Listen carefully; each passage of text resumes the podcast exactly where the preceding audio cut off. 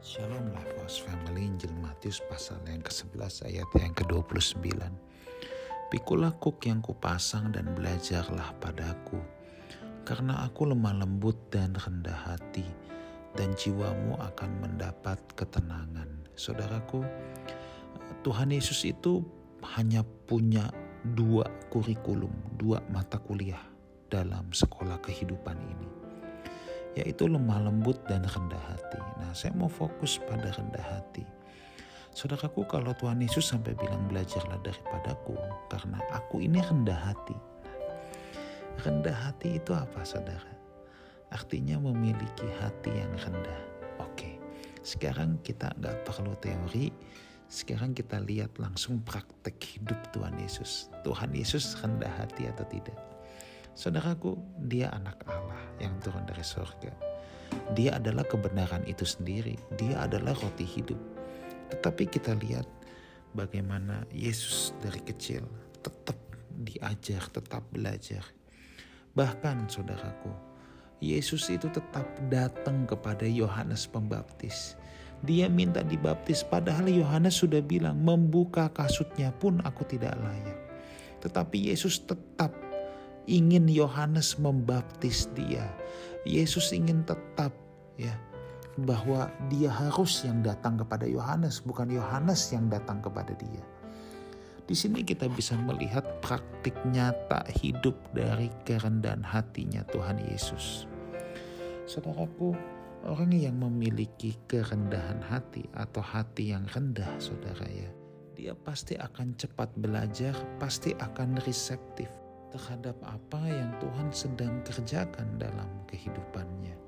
Sedangkan orang yang punya hati yang tinggi, merasa superior, lebih berpengalaman, lebih tahu, lebih ini, lebih itu.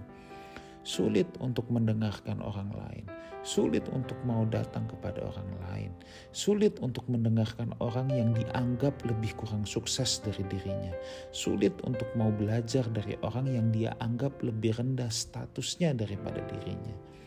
Coba lihat Tuhan Yesus. Dia anak Allah, dia turun dari surga, tapi ketika dia mempraktekkan sebuah kehidupan, ingin mengajar, ayo belajar daripadaku, aku rendah hati. Sekalipun aku turun dari surga, aku tetap datang kepada Yohanes, aku tetap minta dibaptis. Sekalipun aku jalan kebenaran itu sendiri, aku tetap minta dibaptis dan ingin datang kepada Yohanes. Aku tetap belajar, aku tetap punya guru. Tuhan Yesus sejak kecil juga dididik dalam bait Allah. Coba lihat bagaimana kerendahan hati Tuhan Yesus. Nah sekarang pertanyaan saya, bagaimana dengan hidup kita? Apakah kita tergolong orang yang sulit belajar?